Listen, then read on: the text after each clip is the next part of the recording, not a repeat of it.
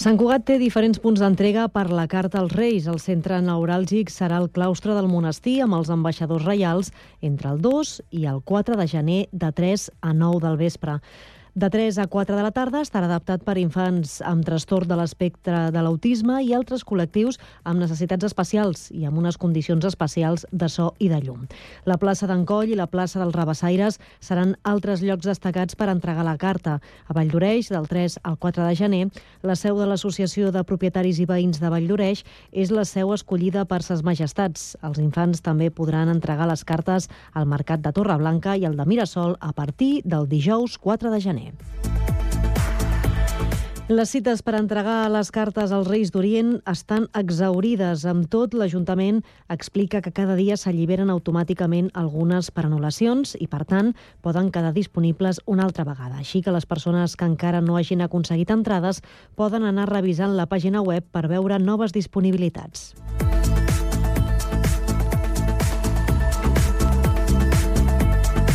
Els quatre peatges de la Generalitat s'encariran al voltant del 3% a partir del 2024, segons publica aquest dimecres el Diari Oficial de la Generalitat. La pujada més important, a partir de l'1 de gener, serà la de la C16, el tram entre Sant Cugat, Terrassa i Manresa, que augmentarà un 3,5%. El túnel del Cadí, el de Vallvidrera i la C32 a l'eix Castelldefels-Sitges al Vendrell, l'increment de les tarifes serà del 3,33%. Així, creuar el túnel del Cadí per un turisme passarà dels 13,48 euros actuals fins als 13,92. Al seu torn, els túnels de Vallvidrera seran 14 cèntims més cars a l'hora baixa fins als 4,48 euros i 16 cèntims més a l'hora punta fins als 5,04. I el govern espanyol ha acordat aquest dimecres mantenir durant el 2024 els ajuts i descomptes al transport públic en una roda de premsa després de la darrera reunió del Consell de Ministres. El president Pedro Sánchez ha anunciat també l'extensió durant el primer semestre de 2024 de l'IVA al 0% als aliments bàsics i del 5% per altres productes de primera necessitat com pastes i olis. D'altra banda, l'executiu ha acordat anar recuperant gradualment les taxes a la factura de l'electricitat i el gas durant els promers 6 mesos.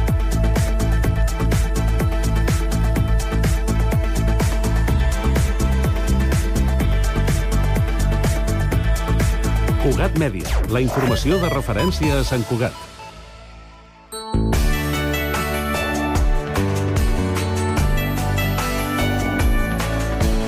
Ràdio Sant Cugat, Cugat Mèdia, 91.5 FM. Hora Sant Cugat, a Cugat Mèdia. Madamina, il catalogo è questo delle belle che amo il padron mio, un catalogo è lì che ho fatt'io. Osservate, leggete con me, osservate, leggete con me. Això és eh, l'àrea del catàleg de Don Giovanni. I, i Jessica, una pregunta, a veure, d'actualitat rabiosa. Um, tu saps què és el body count? Uh, no. Bé. Mm, No, no, no. No ho tens Però per què saber. mm, crec Jo. que, que, que ara m'ho explicaràs. Correcte, intuïció. Bé, és un concepte que, que, que, que està bastant en, ara a, a les xarxes socials, que ens arriba d'Amèrica, que vol dir, mm, literalment, recompte de cossos. Es refereix al, al recompte de amb quantes persones has tingut una persona, ha tingut sexe, mm -hmm. al llarg de la seva vida. És un tema molt controvertit a les xarxes socials perquè mm, va haver-hi algú que ha fet un, algun vídeo parlant d'aquest tema dient, eh, bueno, un ximplet, un desgraciat, per dir-ho d'una manera clara, um, dient que eh, les dones ara, avui en dia, poden estar amb, amb qui vulguin, amb tanta gent com vulguin, però que ell, com a home, se reserva el dret de decidir també, eh, quan coneix una noia, o inclús a priori, d'establir quin número màxim es, li sembla acceptable perquè aquella dona se la pugui plantejar com una parella o com per casar-se amb ell. Les coses no canvien, eh? Dos, o sigui, podríem anar dos segles enrere i segurament doncs, eh, se li demanaria a la dona que tingués zero no, experiències. Exacte. El body count però abans ara- era zero. Ara hi ha un màxim, també. No et passis eh, a la teva vida. Bueno, el màxim el tindran els desgraciats com aquest, com aquest noi, no? Doncs Però sí. clar, a totes les xarxes se li han tirat a sobre amb tota la raó del món, perquè a mi personalment em sembla mm, no només masclista, sinó fastigós. Però I ara clar, a mi m'explota el cap, perquè qui, què té a veure això amb l'òpera? Exacte, què fem parlant d'això, no? Doncs perquè precisament a, a l'òpera Don Giovanni de Mozart, una de les àrees més famoses és uh, la que canta el criat de Don Giovanni. Don, jo... Don Giovanni és el mite de Don Juan, del Mhm. llibertí, llibertí impenitent, que l'únic objectiu a la seva vida és conque conquerir a quantes més dones millor. D'acord? Aleshores, el seu, el seu criat Leporello, hi ha un moment que té aquesta famosa àrea del catàleg, que és el Madamin, el que, he cantat al principi del podcast, precisament explicant eh, la llista de totes les amants de Don Giovanni, que les té totes comptades, i que hi ha tantes aquí, a França, cent i pico, no sé quantes, i a, i a, i a Espanya, 1.003. I això li explica a, a Don Elvira, que es queda amb un pam de nas. Clar, però aquí entrem en la doble moral aquesta de eh, tan terrible de que l'home que té moltes relacions és un, cam un campió i un rei estupendo, però en canvi a la dona se li retreu. Mhm. I això doncs, és una I se cosa... li diu d'una altra manera, eh, que no Exacte. direm ara perquè no cal, però tots ho tenim, ho tenim al cap. Doncs, Marc, comencem. Endavant amb la sintonia.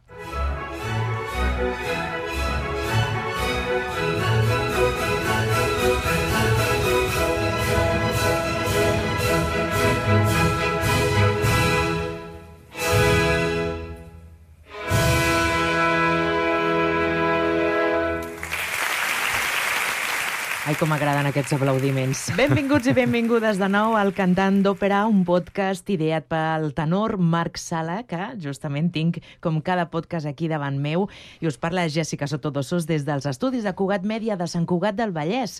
Aquest és un programa fruit de la col·laboració entre l'Associació de Pròpera, eh, Pròpera i la Fundació Òpera a Catalunya i compta amb el suport de l'Institut Català de les Empreses Culturals. I avui, Marc, parlarem de Don Giovanni. I què hem de saber? Si no coneixes Don Giovanni, has de saber que és una òpera amb música de Wolfgang Amadeus Mozart i amb llibret, amb el text de Lorenzo da Ponte. De fet, aquesta mm, feliç coincidència entre aquests dos genis del seu moment eh, va donar mm, com a fruit no només aquesta òpera, sinó altres dos que se'n diuen la, la trilogia Mozart da Ponte, que són el Don Giovanni, però primer de tot Le nozze di Figaro, després vindria el Don Giovanni i Così fan tutte. L'estrena de Don Giovanni va ser a Praga, l'octubre de 1787, i va ser un gran èxit. Després la van portar a Viena, que és on vivien ells. I uh, aquest és un drama jocoso en dos actes. Vale, comencem. Què, què vol dir drama jocoso? Que drama jocoso ja ho diu la paraula, és una mescla entre el drama de l'òpera seriosa i jocoso de mm, juganer, que és de l'òpera bufa. O sigui, una mescla aquí que, que ens peta una mica el cap, però que ho, ho van fer molt bé, perquè van De agafar... riure de les penes, no? Van, van agafar elements dels dos, dels dos um, estils. Uh, el podcast anterior de l'Elisir d'Amore parlàvem, no? Sí, exacte, de l'òpera bufa. Ah, exacte. Cert. Bravo. Aleshores, què fèiem? doncs havíem explicat que l'òpera sèria, els personatges solien ser aristòcrates o personatges mitològics o bíblics, molt seriosos, que amb un desenllaç tràgic i tal. I en canvi l'òpera bufa mm, tenia només personatges del poble, no? gent que, que, que, que, que personatges inspirats en els personatges de la comèdia, comèdia de l'arte, per exemple.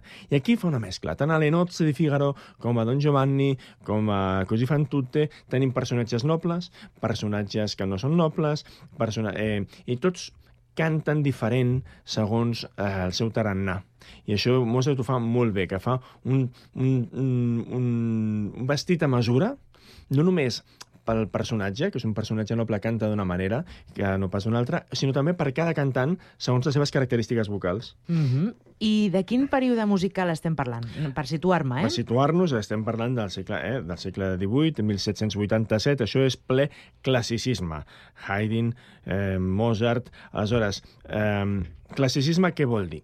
Clar, la, la raó, la, la simetria, la, com un temple grec, eh? Mhm. Un temple grec, un fronton clàssic, no? On, on, on minimalista, espais diàfans, on, on brilla la llum, on hi ha, eh, diguéssim, aquesta mm, mm, valor de la, la raó, de la racionalitat, de, dels sentiments purs, tranquils, que en contrasta amb el romanticisme després, que serà tot el contrari, no? Mhm. Aleshores, això és classicisme, això com es tradueix? Com es tradueix en música? Doncs que les formes musicals són molt estables. Per començar, el metrònom. La... Ara sentirem, mira, ara sentirem el famós duet d'aquesta òpera, el més famós, és el La ci darem la mano. Mhm. Doncs bé, la ci darem la mano, sentirem bàsicament que té un tempo totalment estable, que si comença amb andante, pom, pom, pom, pom, es manté durant tota la peça. Després hi ha un canvi de tempo, que veurem per què, però després, quan hagi canviat, doncs serà també estable fins al final. El, la manera de construir la melodia, per exemple, és molt simètrica. Per exemple, és un, un joc de miralls. Per exemple, la ci darem la mano, un. La mi dirai di sì, Mhm. dos. Vedi non è lontano, repeteix. Partiamo ben mio da qui, quatre. Ah, exacte. I no falla, i anem comptant de 4 en 4. Anem a sentir el Lachi de la mano, però abans, fixeu-vos, a part d'això, que, clar, això, dius, ostres, doncs, que encarcarat, no? Vull dir, com fa Mozart després per fer òpera i fer música que tingui contingut dramàtic, que passin coses, que s'entenguin els personatges, Sent que... tan quadrat, no? Tan quadrat, clar, si tot ha de ser tan quadradet, tan, tan polit, doncs Mozart és tan genial que amb aquest, fixeu-vos, com canta Don Giovanni, que aquí està intentant seduir a Zerlina. Zerlina, que a més és una, una camperola, que just aquell dia s'ha de casar. I ell arriba allà, Don Giovanni, al mig del casament, fa fora tothom, els convida a una festa a casa seva, i amb l'excusa aquesta es queda a soles amb Zerlina per tirar-li els trastos a la nòvia. O sigui, no es pot ser més... No? més petardo. I aleshores, eh, amb aquest duet de seducció, ella s'ho pensa. Però aleshores que ell li diu, amb aquesta frase galant, anem cap allà, que ens donarem la, la mà i ens direm que sí, que casaràs amb mi i tu seràs noble, perquè tu et mereixes ser noble casant-te amb mi, que és mentida podrida, no es casarà mai amb ella. Però aleshores ella s'ho pensa, i aleshores, per exemple, ho sentim quan ell diu Vieni mio bel diletto, que és una frase com molt, molt assertiva, no? Pam, pa, pa, pam, pa, pa, pam, pa, pam. I l'altre què diu? Ai, s'ho està pensant. I com canta? Mi fa pietà masetto, niano, niano, niano, ai, no sé què fer, que no sé què fer.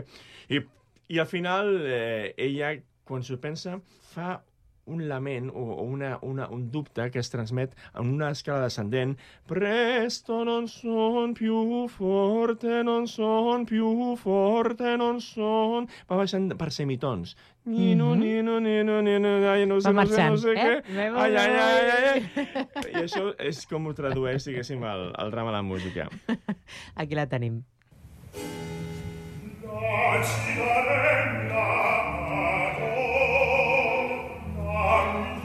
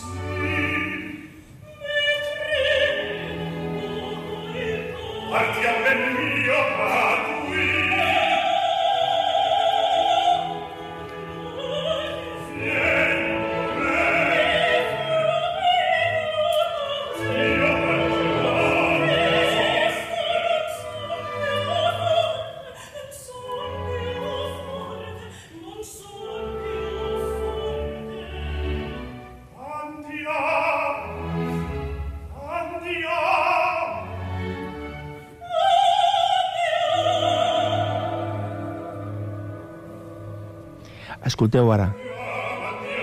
Això és un canvi de ritme que després explicaré el motiu.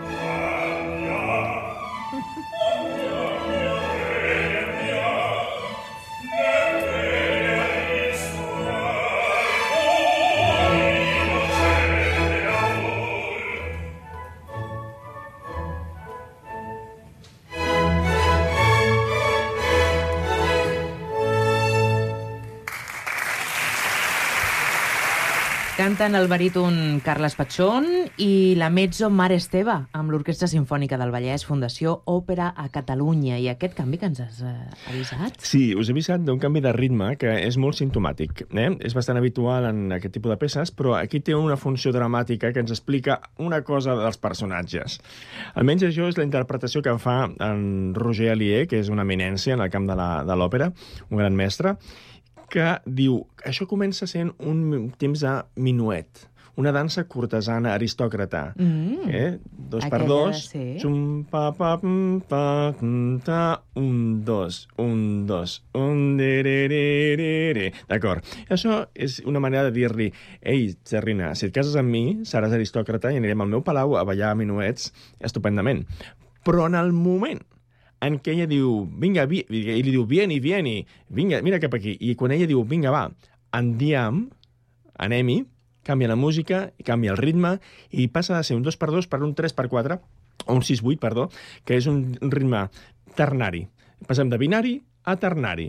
En comptes de ser un 2, un 2, és un, 2, 3, un, 2, 3, un, 2, 3, un, 2, 3. La cosa s'anima. S'anima, s'anima. És un allegro, deixa de ser un andante per ser allegro, però és un allegro que s'anima perquè hi ha l'efervescència d'aquesta anem, anem a... Anem, anem, vamos al, anem, anem, a, anem a, a, a, a fer feina, però eh, té un sentit i és que aquest és un ritme, si l'altre era un ritme de dansa aristòcrata, el minuet, aquesta és un ritme de dansa camperola, que ens està dient, xata, no ballaràs gaires minuets amb mi. O sigui que és un engany. Ah, o sigui que l'ha seduït, però ja està per la llista de... Ah, Exacte, és un modus operandi de patró de, de, de, que ho ha fet també amb Dona Elvira, de, de prometre-la que es casarà amb ell, i mentida podrida. Mm, molt bé. Tenim, a més, la veu del baríton.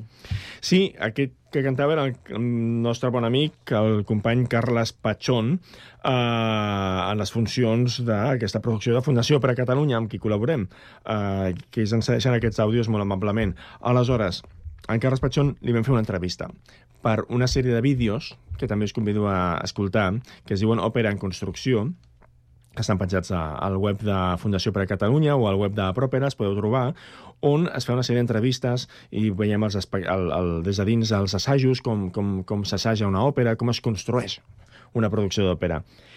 I això és el que ens va dir el Carles quan li vam preguntar sobre el seu personatge. És un mite, és un mite que és molt conegut per tothom, no? I s'ha d'adaptar constantment a tots els canvis que succeeixen en la trama, no? Uh, I és un rol que canvia molt la seva personalitat en funció dels personatges amb els que interacciona. No és el mateix el Don Giovanni quan canta el quartet, on estan presents tots els nobles de- d'aquesta òpera,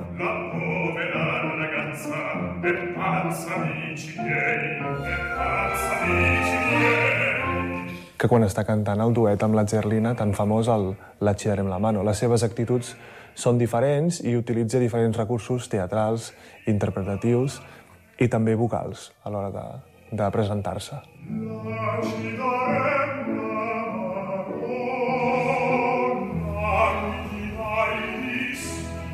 Una de les parts més complicades és el final.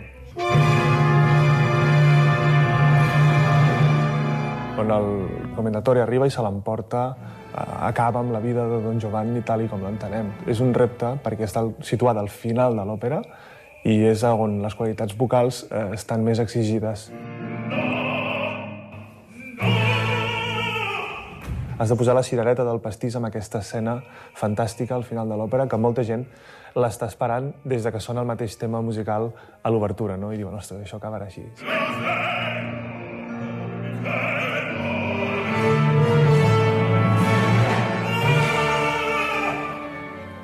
Don Giovanni, Carles Sí. Patxón, déu-n'hi-do. Excel·lent Don Giovanni, he de dir. A més, eh, vam compartir aquesta producció perquè eh, eren, eren dos...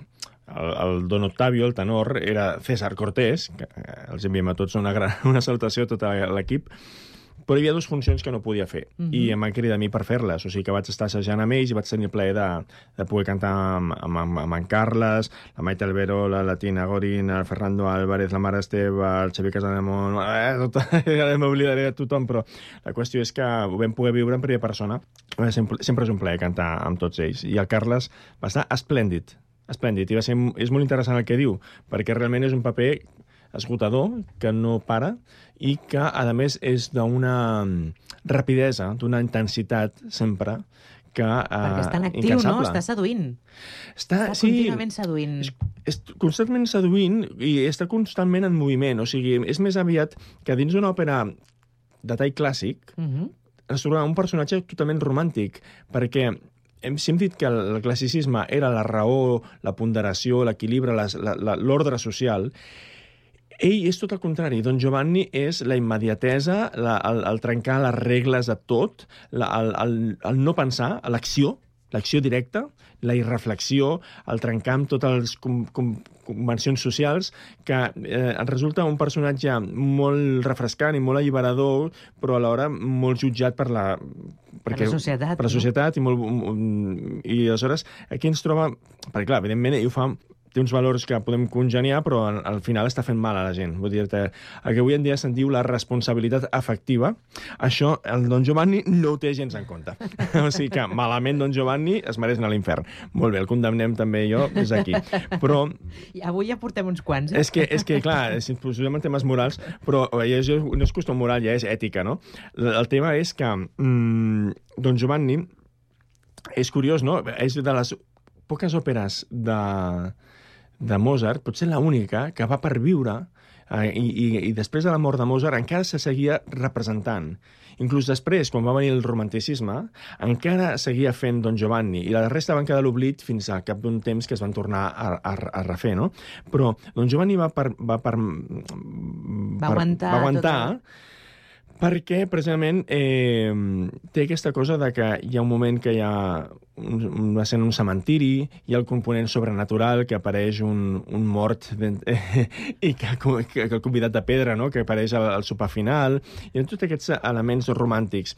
I el que dona, diguéssim, el llacet classicista a aquesta òpera és un epíleg. Quan Don Giovanni acaba morint perquè el convidat de pedra, el comenda, l'estàtua del comendatore, apareix a, casa seva i a l'agafar-li la mà eh, el, el, se l'emporta a l'infern, perquè Don Giovanni fins l'últim extrem no se'n penedeix de res, acaba l'infern i aquí, a l'època romàntica, acabava l'òpera i tots s'anaven a casa contents. Però Mozart i De Ponte havien previst un epíleg, un epíleg que eh, ve a ser, diguéssim, com al final de l'òpera, que ve ser la moral. La moral on, apareixen la resta de personatges, buscar Don Giovanni, i quan saben que, que, doncs, que ha desaparegut a l'infern, doncs diuen, així és com acaben tots els que fan malament, no? I, i clar, això, doncs, aquesta cosa adulcorada i, i, i no, no, no agradava al romanticisme. Anem a sentir per acabar, si et sembla, Mm, l'episodi d'avui, un duettino dins d'aquest final entre, així sentim les veus del de, tenor César Cortés, amb el rol de Don Octavio, que és l'enamorat de Don Anna, que és, en aquest cas, canta la soprano Tina Gorina, amb l'Orquestra Sinfònica del Vallès, dins aquesta producció de Fundació Òpera Catalunya, i veureu el contrast, no? aquesta elegància de com cantar els aristòcrates el seu amor. Doncs et sembla, Marc, ens acomiadem ja dels oients, Sí. perquè és com, és, són dos minutets que deixem aquest plaer per, per acomiadar aquest podcast. Eh, si us ha agradat aquest, eh, aquesta òpera, aneu a Propera, al perfil de Spotify, on hi trobareu una llista de reproducció amb una selecció dels millors fragments elements d'aquesta òpera? Doncs Giovanni. I també ens trobareu a Facebook, Twitter, si poseu arroba a Propera, Instagram, a Propera Insta, si, si voleu buscar-nos, o al nostre canal de YouTube. Així que moltes gràcies per escoltar-nos i seguiu-nos per estar al dia dels nous capítols. Bona òpera! Bona òpera! No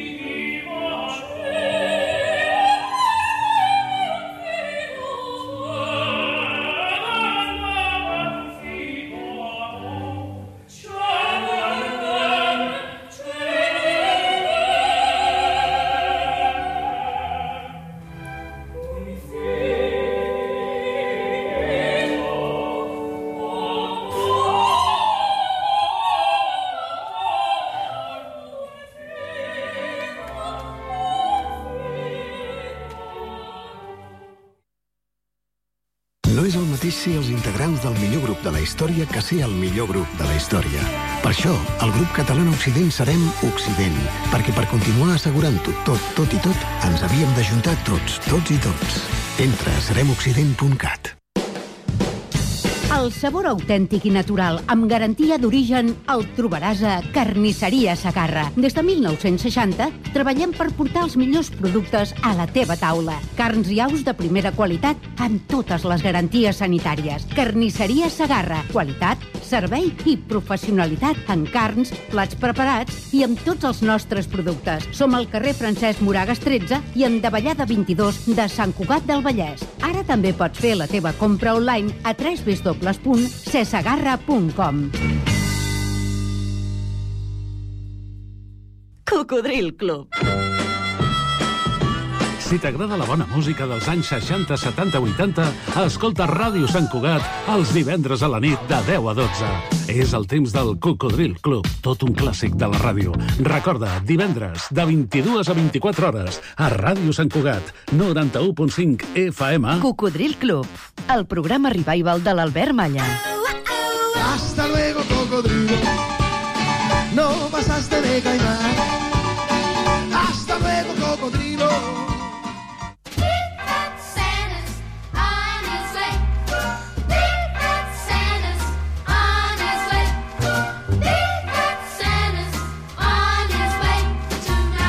Viu el Nadal amb el 91.5. You better watch out. You better not. Hora Sant Cugat, a Cugat Mèdia.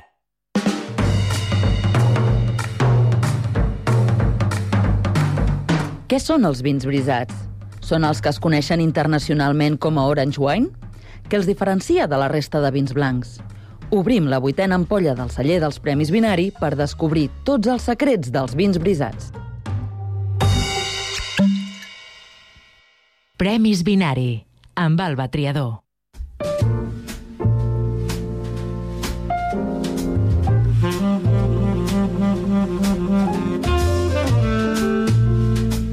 Ramon Rosset, com estàs? Hola, molt bon dia, molt bé. En Ramon és sommelier i el director dels Premis Vinari i l'expert que ens acompanya durant aquest viatge pels millors vins de Catalunya guardonats als Premis Vinari 2023. Ramon, en aquesta ocasió t'he de preguntar què és un vi brisat? Bueno, un vi brisat, en essència, és un vi blanc elaborat com si fos un vi negre. Què vol dir això? Vol dir que el most, que sempre és blanc, encara que provingui de varietats negres, uh -huh. eh, ha fermentat com a mínim amb les pells i les llavors. I per què et dic com a mínim? Perquè aquests vins, en la se... originalment, perquè són els vins que ens connecten en com antigament es feia el vi a pagès, uh -huh. eh, i per això en diem la seva expressió més radical, és que, a part de fermentar amb les pells i les llavors, també fermenti amb la rapa. Llavors, aquests vins eh, són blancs, però els elaborem igual amb, com si fossin uns negres. És a dir, en, en, popularment dient que són blancs amb ànima de negre. Clar, perquè hi hem afegit aquestes pells, aquestes llavors com a mínim, no? Correcte. Per tant, no sé si podríem dir que són vins que podríem titllar de rústics, que tenen una elaboració més rural. Tu deies que ens connectaven amb els nostres ancestres. Correcte, perquè en tant que fermenten amb la brisa, és a dir, amb les llavors, amb la pell i la rapa, són vins, un, que prenen una coloració més pujada, uh -huh. eh? tenen un aspecte daurat, no són grocs clars, són daurats, aquest color vell, més amb aquests tons a vegades vermellosos, i, i, i sovint tons ataronjats. D'aquí Ah. que també algú els anomeni vins taronges, no? o orange wine en la seva versió anglesa, i això també fa que tinguin un perfil gustatiu més intens, amb notes a vegades més oxidades, i alguns també poden portar aromes que ens recordin una, la part vegetal o la part llenyosa, eh? i quan ens passa un vi que, que, que, que és rugós, de tenir rugós, i tenen aquests aromes vegetals i llenyosos, eh, que els puguem tillar de rústics, no? I per quins motius podríem dir que aquest vi ara és tendència aquí a Catalunya? Bueno, eh, des de fa un temps, i jo diria que és una de les possibles raons perquè aquests vins s'hagin posat de tendència, és, com et deia abans, que s'acosten molt a la manera com s'elaborava els vins a les cases de pagès. És a dir, fa uns anys, el, a les cases de pagès la vinya era un cultiu més, com uh -huh. les patates o les cebes, doncs tenien vinya. I llavors el que feien era eh, collir el raïm i posar-lo en un cub però no tenien mentalitat enològica, sinó que feien era collir i sabien que amb aquell vi, ai, amb aquell raïm volien fer vi, per tant havia de fermentar de manera espontània, no? I per això ni li treien les pells, ni li treien la rapa, ni li treien res, no? Aleshores, doncs, des de fa un temps també hi ha una tendència entre els enòlegs més joves, i no tan joves, però els enòlegs que tenen més, a, a, a, diguem-ne, que estan a la cerca de noves, noves coses en el món del vi, de recuperar maneres de com s'havia elaborat el vi tota la vida, no?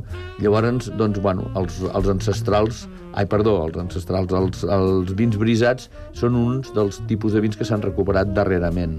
I s'han recuperat darrerament, però això és una moda o han vingut per quedar-se, els brisats? Tot i que mai seran uns vins d'ampli espectre comercial, perquè són uns vins, com ja hem dit, d'un perfil gustatiu molt concret, sí que són vins que donen molt de joc per la seva complexitat i que donen també, són molt xulos a l'hora de, de buscar maridatges en, en, en, i de fer tast amb ells. No? Per tant, jo crec que han vingut per quedar-se, tot i que no seran mai uns vins, diguem-ne, de, de, de, de consum massiu. Perfecte, Ramon, moltíssimes gràcies. A tu, moltes gràcies.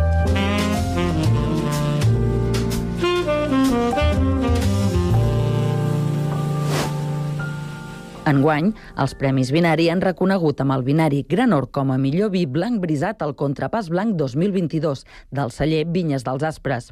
Marxem fins a Cantallops, a l'Alt Empordà, per conèixer una mica millor aquest vi. Ens en parla David Moles, responsable del celler. El Contrapàs Blanc 2022 de Vinyes dels Aspres és un vi blanc de garnatxa blanca, lledoner blanc, en diem a l'Empordà, brisat, és a dir, macerat amb les pells durant una setmana a temperatura controlada a fi d'extreure totes les eh, virtuts i característiques que porta la pell del raïm en el vi.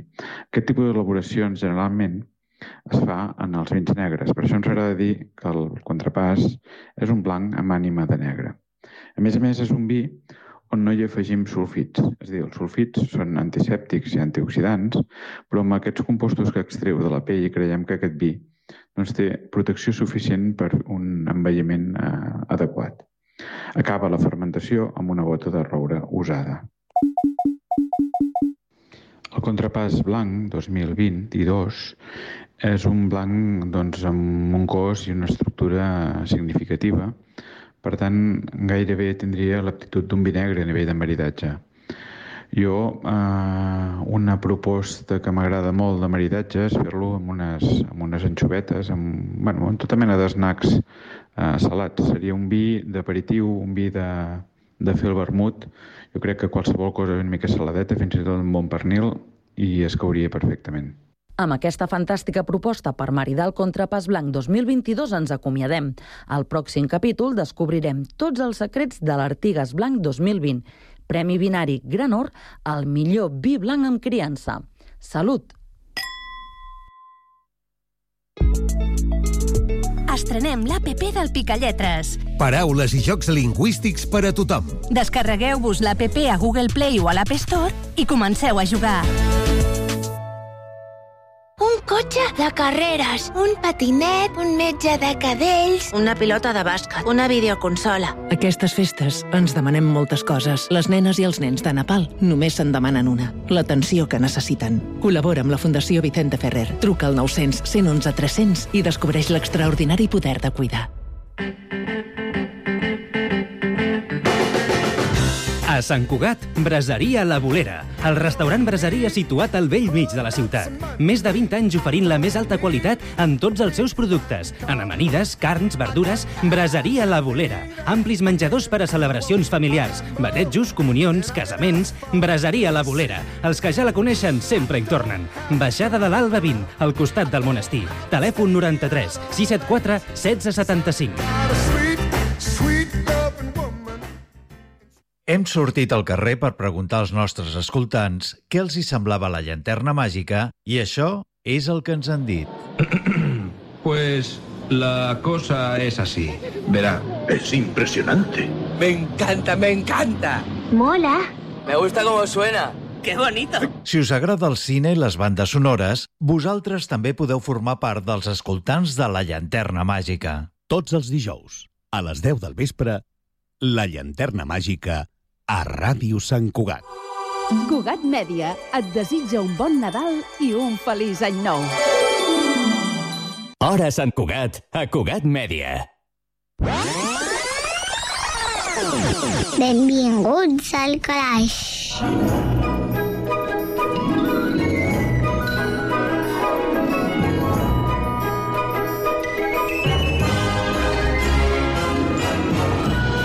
Lectors intrèpids. Tots els nens, menys un, es fan grans.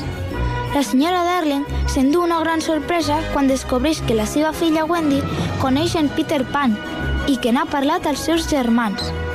Però la sorpresa de la senyora Darling augmenta quan s'adona que en Peter Pan, el nen que no vol créixer, existeix de debò. I és de debò també que la Wendy, en John i el Michael aprenen a volar i se'n van a la terra de mai més i s'enfronten als terribles pirates. I en Peter Pan talla el braç al capità James el ganxut i el dona a un cocodril. Esteu a punt per volar? Recordeu, la segona a la dreta i recte fins a la matinada. M'encanta llegir! El calaix. Escoltàvem aquesta carta de la veu de la Júlia que ja ens introdueix en la màgia, sobretot ara que estem a les portes d'aquestes festes que per als nens són tan màgiques i meravelloses. Eh, no ho podíem fer de millor manera que imaginant no? que podem volar i que podem descobrir i tenir sensacions i, i, i descobrir-los a ells, que poden volar per la finestra, fora de les pantalles també. Així que què millor que obrir el programa amb en Peter Pan. I per parlar-ne tenim la editora Núria Puyuelo. Benvinguda, Núria. Hola, bon dia. Moltes gràcies per convidar-me. Núria, gràcies per la màgia, per tornar a reeditar aquest clàssic. Sí, és un clàssic que, que no, passa de, no passa de moda. És un clàssic eh, anglès que, que sempre ens ha acompanyat i que des de la Magrana doncs, volíem tornar a posar a les llibreries no? a la taula de novetats perquè, perquè no passa de moda. No? És aquest, com deies ara, aquest imaginar, aquest volar, aquest tornar a ser nens no? Aquest clàssic que fins i tot no, ha desenvolupat en una, en una patologia, no? El síndrome de Peter Pan, no? Que, que va-se anclat a la, ancorat a la, a la infantesa, no? Com a món eh, lligat a la, això, a la imaginació i, al, i a la llibertat, no? Amb molts símbols doncs, que sempre ens, ens agrada ser-hi. Uh, I des de la Magrana doncs, hem volgut tornar a publicar aquest llibre um, amb aquest format de tapa dura, il·lustrat, perquè és un, com, a, com a bon regal de Nadal, no? amb, una, amb una edició molt acurada, si el, si el veieu, i també doncs, amb aquestes il·lustracions que ens ha fet l'Adrià Marquès, uh, doncs, que ens ajuden doncs, a viatjar cap a aquesta terra de, de mai més. Aquesta terra de mai més que la llegirem traduïda, a més a més, per la Maria Antònia Oliver. Tot un referent que ens va deixar el 2022. Exacte. Aquesta escriptora que va rebre el Premi uh, de les Lletres Catalanes el 2016 és una, una escriptora que també des de la Maran hem recuperat amb altres llibres uh, d'ella i en aquest cas doncs, a través d'aquesta traducció, que a més és una traducció doncs, que, que, que ens, ens tradueix el Peter Pan sempre és un, un llibre no? que ens n'anem sempre uh, a l'adaptació cinematogràfica que ens va fer Disney no? i tots tenim molt clar perquè l'hem vist un munt de cops no? uh, com són els dibuixos, com parlen, com uh, qui són els personatges d'aquesta història i, i a mi una de les coses que m'agrada molt com vaig agafar la traducció de Maria Antònia doncs, per, ara doncs, tornar a, a, a publicar aquest Peter Pan doncs eren les traduccions que ella havia triat no? perquè al final uh, ella va anar a buscar doncs, l'obra de, de Barry, d'en James Matthew Barry uh, i allà doncs, va decidir traduir per exemple de la Dringuets, no? aquesta campaneta que sempre hem dit la campaneta doncs en aquesta traducció veureu que, que se n'hi diu Dringuets i aquest capità Garfi, aquest amible antagonista de l'obra, doncs en aquest cas es diu uh, capità Ganxut, no? I que al final són Sí. altres traduccions uh, d'un clàssic que quan un traductor doncs, agafa una obra original doncs, té doncs, la sort, la, la, la capacitat i la potestat no? de decidir doncs, com tradueix doncs, l'obra i en aquest cas doncs, els noms dels, dels personatges. I sí, és un, un orgull i un plaer doncs, tenir doncs, aquesta traducció i tornar-la a posar en circulació, no? per entendre'ns, que crec que va, la va traduir el 90, o sigui que ja té uns anys, però, però és totalment vigent, amb un català eh, molt nostrat, a més amb aquests girs mallorquins d'ella, vull dir que, que ens ha agradat molt doncs, tornar-la a tenir. És una traducció que podem dir que és molt nostra, no? molt de la Sí. terra. Tot i Sí. que sigui un clàssic, però Exacte, que la apropa. propera, no? Que és Que això, això és una mica. important. Sí, jo crec que amb això, amb les traduccions dels clàssics, um, amb la Magrana és una cosa que tenim pre... bueno, que, que ens agrada reivindicar i tenir present. Per exemple, ara fa un any vam traduir tres obres del George Orwell, no? I vam voler traduir-les com de nou, no? A l'homenatge a Catalunya, a la granja dels animals, totes aquestes les hem llegit i rellegit, les tenim publicades en català, uh, però vam voler doncs, fer aquesta traducció de nou perquè els clàssics els hem de tornar a llegir, rellegir i de vegades doncs, també trobar-te una traducció en un català que t'és proper, que, que te'l sents teu, no? també és important perquè tenim traduccions molt bones, no les esmereixo ni molt menys de fa moltes dècades, però que també trobar-te amb un català més, més proper te la fa sentir més teva, no? i com que els clàssics tenen això doncs, que, no, que perduren, que no, no, no se'ns no se n'allunyen, també és important doncs, que la llengua eh, la sentis eh, teva. Mm? I penso que també és molt important de cara a tant als pares que llegiran aquest conte mm. com als nens que l'escoltaran o també el llegiran, perquè evidentment eh, tots són petits sempre. Sí. I a vegades necessitem que algú ens ho recordi. Aquest any ens ho recorda la Magrana. Mm -hmm. Sí, a més rellegir-lo, uh, mira, tant jo com a editora i per descomptar, i la dissenyadora, que també s'ha involucrat molt en el, en el llibre, perquè hi havia tota la part de, il·lustrativa que havia de treballar amb el dissenyador, doncs de quin, quin, quines escenes triaven per... Doncs tant ella com jo l'hem estat llegint amb els nostres fills, i us he de dir que, que sí, que té aquesta màgia, a més té aquesta oralitat, perquè Peter Pan, recordem-ho, va començar com una obra de teatre, uh, es va representar a Londres a principis de, bueno, el 1904, juraria, uh, sí. i després se'n va fer la novel·la. Llavors té aquesta, com ara sentíem aquest tros uh, narrat per la Júlia, no? doncs té aquesta part d'oral que quan el llegeixes amb el teu fill doncs et transporta aquest món, no? i això ho fa, el fa molt màgic, jo crec. Sí, en James Matthew Barry, que he sapigut On t'arribava, Peter Pan? Sí, sí, sí, exacte. Exacte, sí, sí, que la història també és molt trista perquè uh, quan m'endinsava també en el llibre, no?, descobreixes, doncs, per què escrius sobre això, no?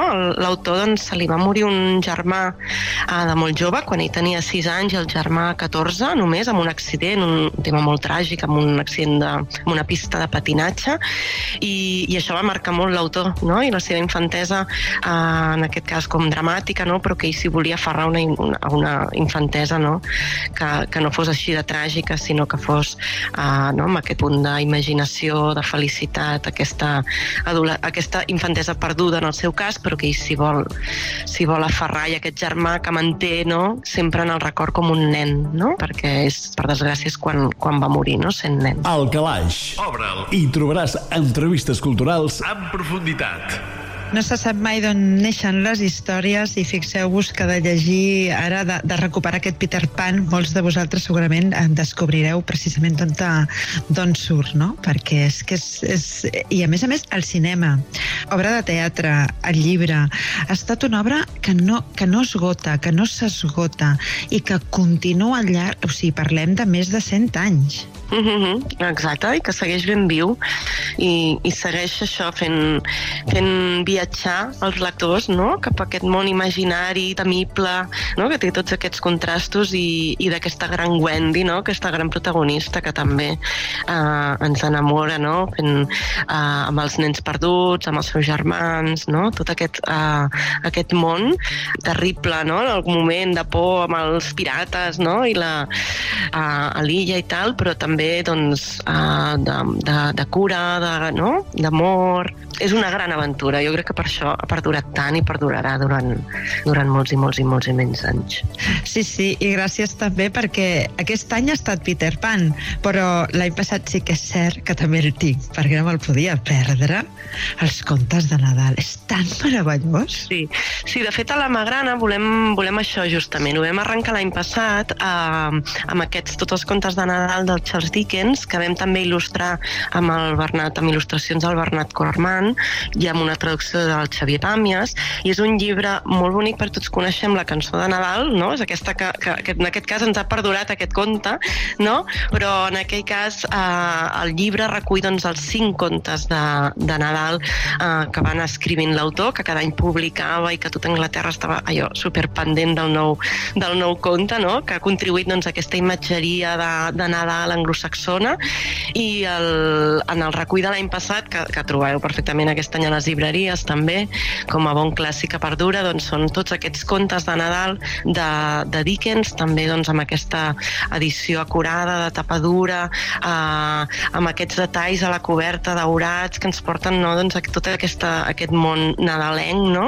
i que també doncs, el fan eh, molt ideal doncs, per, per regalar. I només us puc dir que ja estem pensant en el de l'any que ve, perquè això no es pot quedar aquí. Cada novembre haurem de treure un nou clàssic il·lustrat amb tapa dura perquè els lectors de la Magrana doncs, tinguin aquest, aquesta joia, aquestes petites obres d'art per, per Nadal. És que jo t'anava a dir, dic, ja esteu pensant que traurem... Ara estarem tots... No t'ho puc dir, no t'ho puc dir, però també serà un clàssic que voldrem recuperar i que, i que esperem doncs, també il·lustrar doncs, per, anar, per anar fent, omplint la lleixa d'aquesta petita col·lecció de clàssics. Mira que jo els contes de, de Nadal em van impactar molt quan els vaig llegir a l'escola. Recordo que ens els van fer llegir i són contes és que, que em van impactar i, que, i, i quan vaig veure... Cada any els treuen per Nadal. I és inevitable comprar-los que penses, ja en tinc, però sempre busques, no? Però és veritat que les edicions que feu vosaltres a, a la Magrana són també amb aquest tipus de traduccions, les il·lustracions diferents. Clar, és un altre... És, un altre, és de col·leccionista, podríem dir. Això, és- això és, bueno, a mi és el que m'agrada pensar perquè no, quan intentes com, com seguir el mateix tipus d'edició, que siguin il·lustrats, que tinguin aquesta... No, a, a mi la tapadura també no et transporta molt al món del regal i, i bueno, amb aquests detalls que hi ha doncs, de, no, ara tinc aquí el Peter Pan no, amb aquests daurats a coberta no, tots aquests acabats doncs, que donen aquesta, aquest aire no, de Nadal i de, i de, de joieta, de, no, de petita obra d'art, que al final quan il·lustres un llibre doncs, també té aquest punt artístic no, que, que hi dona aquest plus. Són honors literaris. Nosaltres estarem expectants com els lectors d'en Dickens, que cada any esperaven el conte, doncs nosaltres ara cada any esperarem el conte de la Magrana. Molt bé. I mentrestant, recordeu, segona a la dreta i recta fins a la matinada. Allí us espera una nova aventura amb la Magrana i en Peter Pan. Núria, moltes gràcies. A vosaltres. M'encanta llegir! El Calaix. El Calaix. Un programa d'Ona la Torre Per a la xarxa.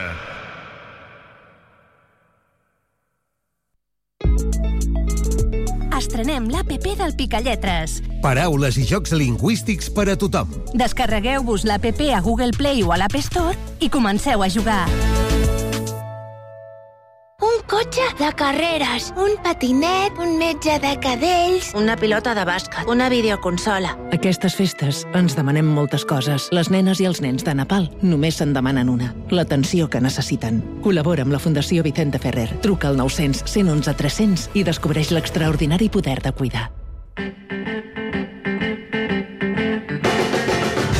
A Sant Cugat, Braseria La Bolera, el restaurant braseria situat al vell mig de la ciutat. Més de 20 anys oferint la més alta qualitat en tots els seus productes. En amanides, carns, verdures, Braseria La Bolera. Amplis menjadors per a celebracions familiars, batejos, comunions, casaments... Braseria La Bolera. Els que ja la coneixen sempre hi tornen. Baixada de l'Alba 20, al costat del monestir. Telèfon 93 674 1675. Hem sortit al carrer per preguntar als nostres escoltants què els hi semblava la llanterna màgica i això és el que ens han dit. Pues la cosa es así. Verá, es impresionante. Me encanta, me encanta. Mola. Me gusta cómo suena. ¡Qué bonito! Si us agrada el cine i les bandes sonores, vosaltres també podeu formar part dels escoltants de la llanterna màgica. Tots els dijous, a les 10 del vespre, la llanterna màgica a Ràdio Sant Cugat. Cugat Mèdia et desitja un bon Nadal i un feliç any nou. Hora Sant Cugat, a Cugat Mèdia. Continguts en xarxa.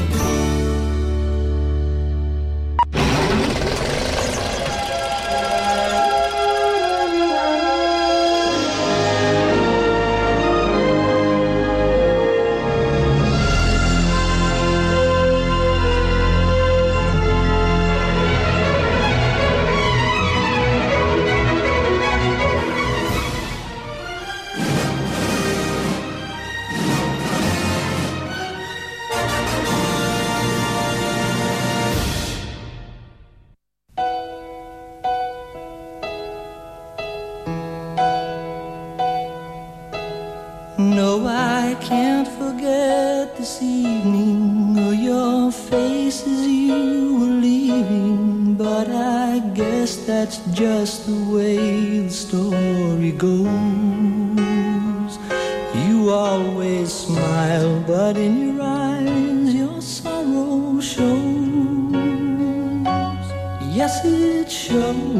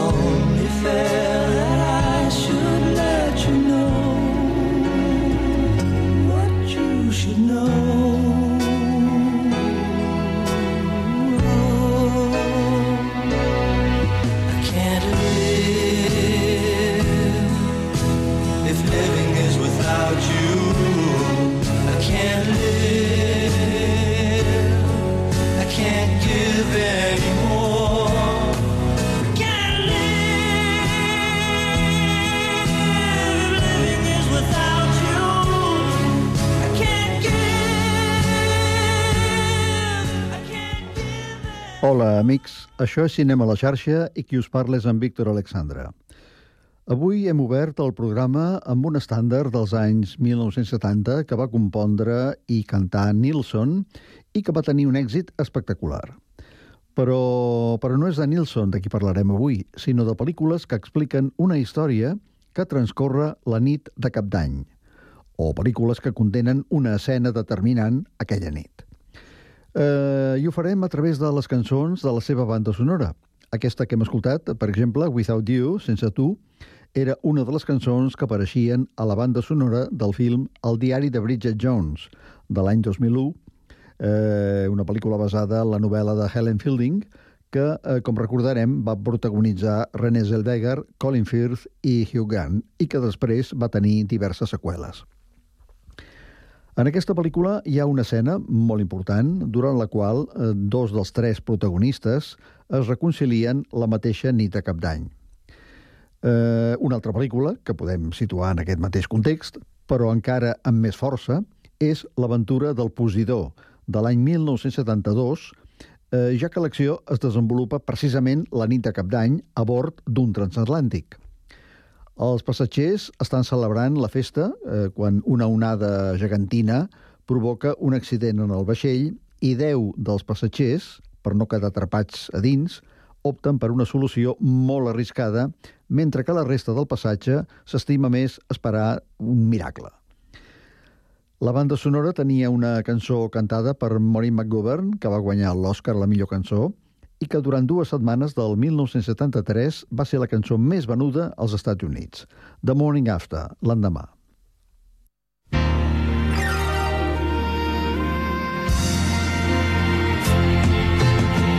There's got to be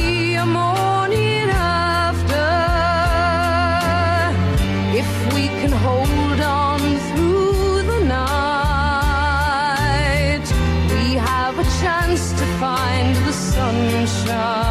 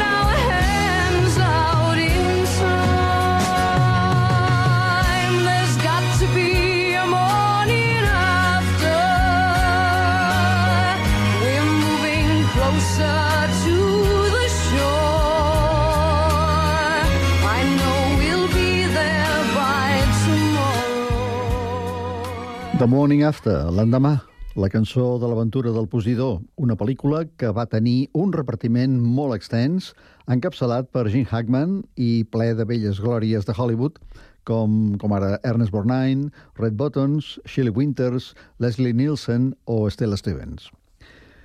Un altre film amb l'acció emmarcada en la nit de cap d'any és La quadrilla dels 11, del 1960, que 40 anys després eh, va tenir una nova versió.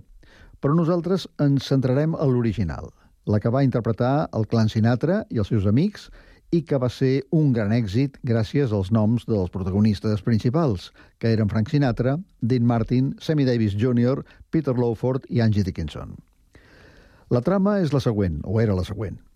Els personatges que interpreten eh, Sinatra i Peter Lawford reuneixen els seus antics companys de la brigada paracaigudista, que va combatre, va combatre la Segona Guerra Mundial, per tal de, de robar a cinc casinos de Las Vegas en una sola nit, la nit de cap d'any. Ho fan així, la nit de cap d'any, perquè és la nit en què tothom està entretingut celebrant la festa i l'atracament resulta molt més fàcil. Per fer-ho, és clar, necessiten que cada membre del grup aporti les seves habilitats i que actuï a la mateixa precisió que si es tractés d'una operació militar, com les que ells feien. L'atracament surt bé, surt bé. El problema que tenen després és com treure els diners que han robat de Las Vegas. A la pel·lícula sonen diferents cançons i una és aquesta cantada per Sammy Davis Jr.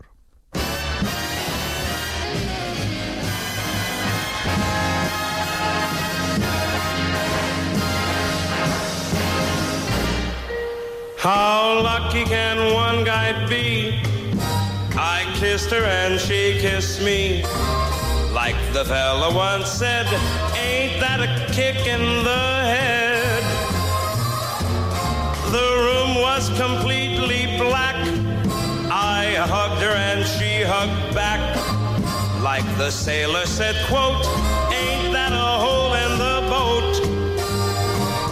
My head keeps spinning. I go to sleep and keep grinning. If this is just the beginning, Hora Sant Cugat, a Cugat Mèdia. Madamina.